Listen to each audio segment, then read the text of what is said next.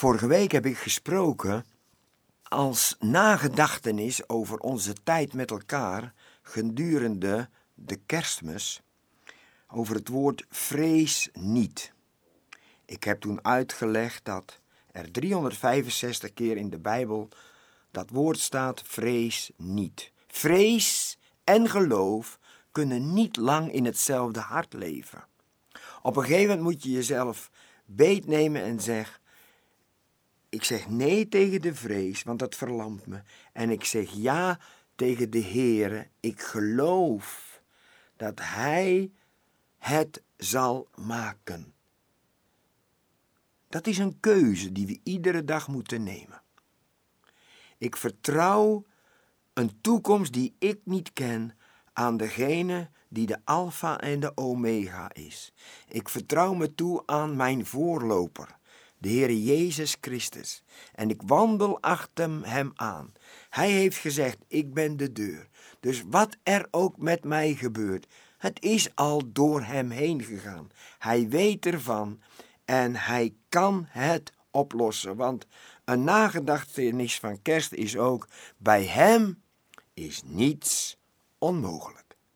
Maar nu komt dat andere, dat is niet het negatieve van vrees, maar het positieve van het woord de vrezen. En dat staat in Spreuken hoofdstuk 9, vers 7. Daar staat: De vrezen van de Heere, dat is het begin van alle wijsheid. Dus ja, hoe kun je het woord vrezen uitleggen? Het is respect hebben voor, denken aan uh, de vrezen van de Heere. Dat is het begin van alle wijsheid.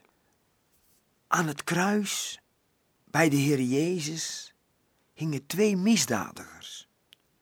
En op een gegeven moment begon die ene misdadiger met het volk de Heer Jezus uit te schelden. En toen riep die andere misdadiger tegen hem: Vrees zelfs u God niet, nu u hetzelfde vonnis ondergaat. Met andere woorden, heb je nu nog geen vrezen van God? Over een paar uur ga je Hem persoonlijk ontmoeten. En dat is heel belangrijk, dat wij leven met de vrezen van God in ons. Toen mijn vader een jonge man was, moest hij naar Indonesië als soldaat.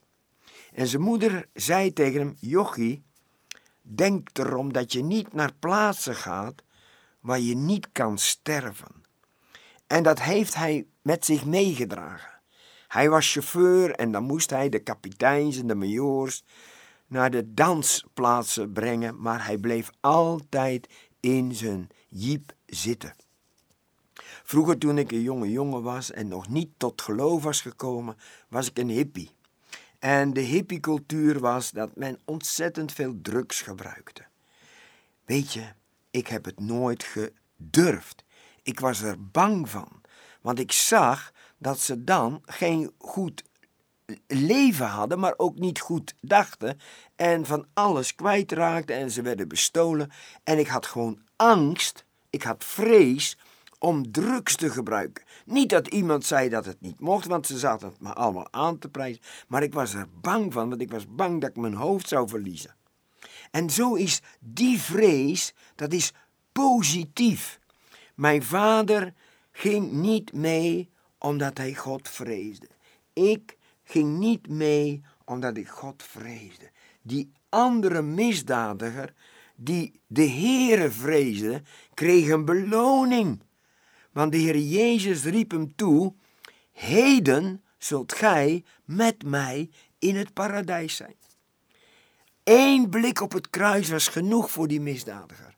Hij kon zich niet laten dopen, hij kon geen goede werken doen, hij kon het ook niet meer goed maken, maar geloof bracht hem thuis, omdat hij leefde met de vrezen van de Heer. In spreuken staat een heerlijke belofte. Er staat de vrezen van de Heere die maakt rijk.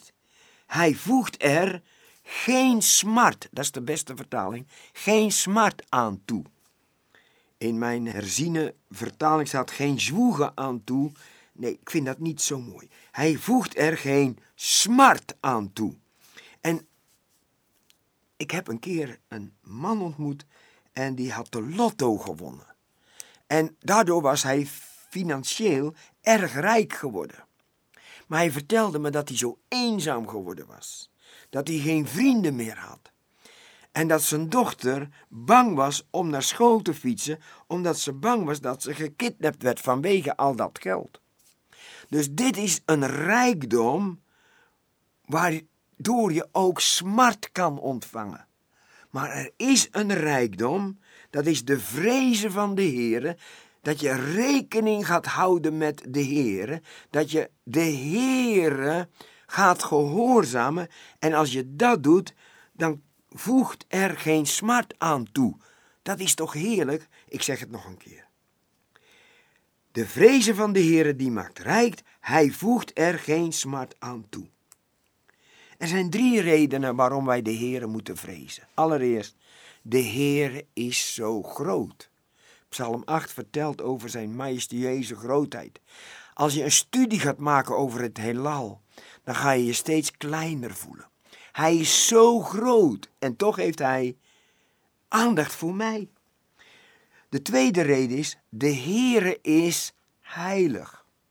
Toen Jezaja daar zicht op kreeg in Jezaja 6, riep hij uit, Wee is mij. Toen Petrus bij de Heer Jezus in die boot zat. Jezus zat eigenlijk bij hem in zijn boot. En toen hij dat volle net met vis zag, riep hij uit: Ga weg, heren, want ik ben een zondig mens. O, de Heere is zo heilig. En de derde reden om de Heere te vrezen is: Hij is liefde. En er staat iets heel mooi in 1 Johannes 4, vers 18. De volmaakte liefde drijft de vrees weg. Als gelovige is het zo belangrijk om het juiste te vrezen. En dat geeft de Heer Jezus ook aan ons. Hij zegt in Matthäus 10, vers 28: Wees niet bevreesd voor hen die het lichaam doden en de ziel niet kunnen doden, maar wees veel eer bevreesd voor hem die zowel ziel als lichaam te gronde kan richten in de hel. Als gelovigen zingen wij een ander lied, praten wij anders, omdat wij het juiste vrezen. In deze uitzending wil ik graag toch nog even stilstaan tussen die volmaakte harmonie tussen de Vader en zijn Zoon. Als schaduwbeeld in het Oude Testament zien we Jozef en Farao. Ze hebben mij verteld dat Jozef gezien werd als God en voor het volk bleef hij onzichtbaar. Maar wie reisde er door het land? Dat was Jozef. Iedereen kon Jozef zien, want hij reisde door het hele land. Maar die reis van Jozef deed hij alleen maar in opdracht van Farao. Dus wat dat betreft was het gezicht van Jozef ook het gezicht van Farao. De werken van Jozef waren de werken van Farao. De voorzienigheid van Jozef met de schuren bouwen voor de hongersnood waren instructies van Farao. Die twee waren in totale harmonie en uiteindelijk geeft Jozef alles terug aan Farao. Die harmonie tussen vader en zoon bij de Heer Jezus is zo uniek. Daarom onthoud heel goed dat er een moment is geweest dat die harmonieuze eenheid, die liefde tussen de vader en de zoon verbroken is. Wanneer? Dat was op het kruis. Op het kruis, voor drie uur lang, is die harmonieuze verbinding tussen vader en zoon verbroken. En dat was voor jou. En dat was voor mij. En dat was voor u. Jazeker, want toen kreeg de Heer Jezus alle zonden van alle mensen op zich. Hij werd zondaar op dat kruis. Ook al heeft hij nooit gezondigd en kende hij de zonde niet. Hij heeft de zonden gedragen. Dat was het probleem. De zondaar heeft hij lief, maar het probleem is niet de zondaar, want dat hebben wij geërfd van Adam. Nee, het is de zonde en de zonden. En die heeft hij op zich genomen. Hij heeft de vloek die op ons rustte weggedragen op het kruis van Golgotha. En daar keek hij zo tegenop, in de tuin van Gethsemane, want hij wist, die eeuwige, harmonieuze liefdesrelatie met mijn vader zal gebroken worden, zodat zij die in mij gaan geloven, dat nooit hoeven te ervaren. Er staat een geweldige belofte in Hebreeën 13, vers 5 en 6. Hij zal ons nooit begeven en hij zal ons nooit verlaten. Dus er is altijd reden om dankbaar te zijn. Je hoeft je niet eenzaam te voelen, want 24 uur per dag, 7 dagen in de week, bidt er iemand van, voor je. Staat in Hebreeën 7, vers 25. Je mag ook weten dat er iemand is die altijd met je meegaat. Er staat in Matthäus 28, vers 20: Ik ben met u alle dagen van uw leven. Hij vergeet niet één dag, ook deze niet. Ook deze dag vergeet de Heere niet om met je mee te gaan. Daar mag je in rusten. De beloning van de Vader voor de gehoorzaamheid van zijn zoon is echt belangrijk om even over na te denken. De eerste beloning die de zoon ontving van zijn vader was de opstanding. De opstanding. Dat is het bewijs dat de zoon alle zonde betaald heeft, want het loon van de zonde is de dood, maar hij heeft nooit gezondigd. En de dood kon hem niet houden. En hij heeft het werk volbracht om voor al onze zonden te betalen. Het bewijs is de opstanding. De tweede belofte dat de Heer Jezus de liefde van de Vader en de aanvaarding van de Vader ontving, is hij werd aanvaard in de hemel toen hij weer naar de hemel terugging. En hij zit nu aan de rechterhand in de plaats van de autoriteit. Dus het feit dat de Vader hem die plaats gegeven heeft, is ook weer een bewijs dat het werk wat hij gedaan heeft op het kruis van Golgotha genoeg was. De Heer Jezus had een belofte gegeven.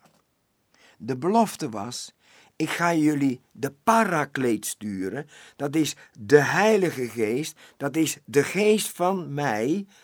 En die komt niet bij je, maar die komt in je wonen. En het volgende is gebeurd. Daarin weten wij, hij is te vertrouwen. Op de Pinksterdag, eerst met Joodse mensen, kwam de Heilige Geest in hen wonen. Vandaag Efeze 1, vers 13. Als iemand gelooft in het volbrachte werk van de Heer Jezus Christus, dan komt Hij in je hart. Dan heb je een transfer uit het domein van Satan in het koninkrijk van de zoon van zijn liefde. Dan ben je nog wel in de wereld, maar je bent niet meer van de wereld. Je bent geen zondaar meer, maar je bent een heilige. En dat is ook zo belangrijk, dat hij de Heilige Geest gezond heeft als laatste. Openbaring, hoofdstuk 1, vers 1. Ik zal het lezen. Openbaring van Jezus Christus, die God hem gegeven heeft. Weet je wat de Vader ook aan zijn zoon gegeven heeft? De openbaring. En wie ontving de openbaring van Jezus Christus? Johannes op het eiland van Patmos. Nu ben ik opgegroeid in een kerk waar het boek Openbaring een gesloten boek was. Het was gesloten, zeiden ze, maar dat is niet waar hoor. Het is geopenbaard. Maar het is ook niet voor theologen, het is voor zijn knechtjes. Zijn knechtjes mogen weten dat de Heer Jezus zich geopenbaard heeft. Hij openbaarde zich als het lam dat geslacht moest worden, maar hij zal zich openbaren als de leeuw van Juda. En daar gaan we naartoe. Genoeg gepraat over die baby in die voederbak. Wij gaan er naartoe dat de vader zijn zoon alles heeft gegeven. Er is er maar één die waardig is om de boekrol te openen. Er is er maar één die de toekomst van deze wereld ontvangt. En dat is degene die eens in een voederbak lag. Kom, laten wij hem aanbidden. De leeuw van Juda.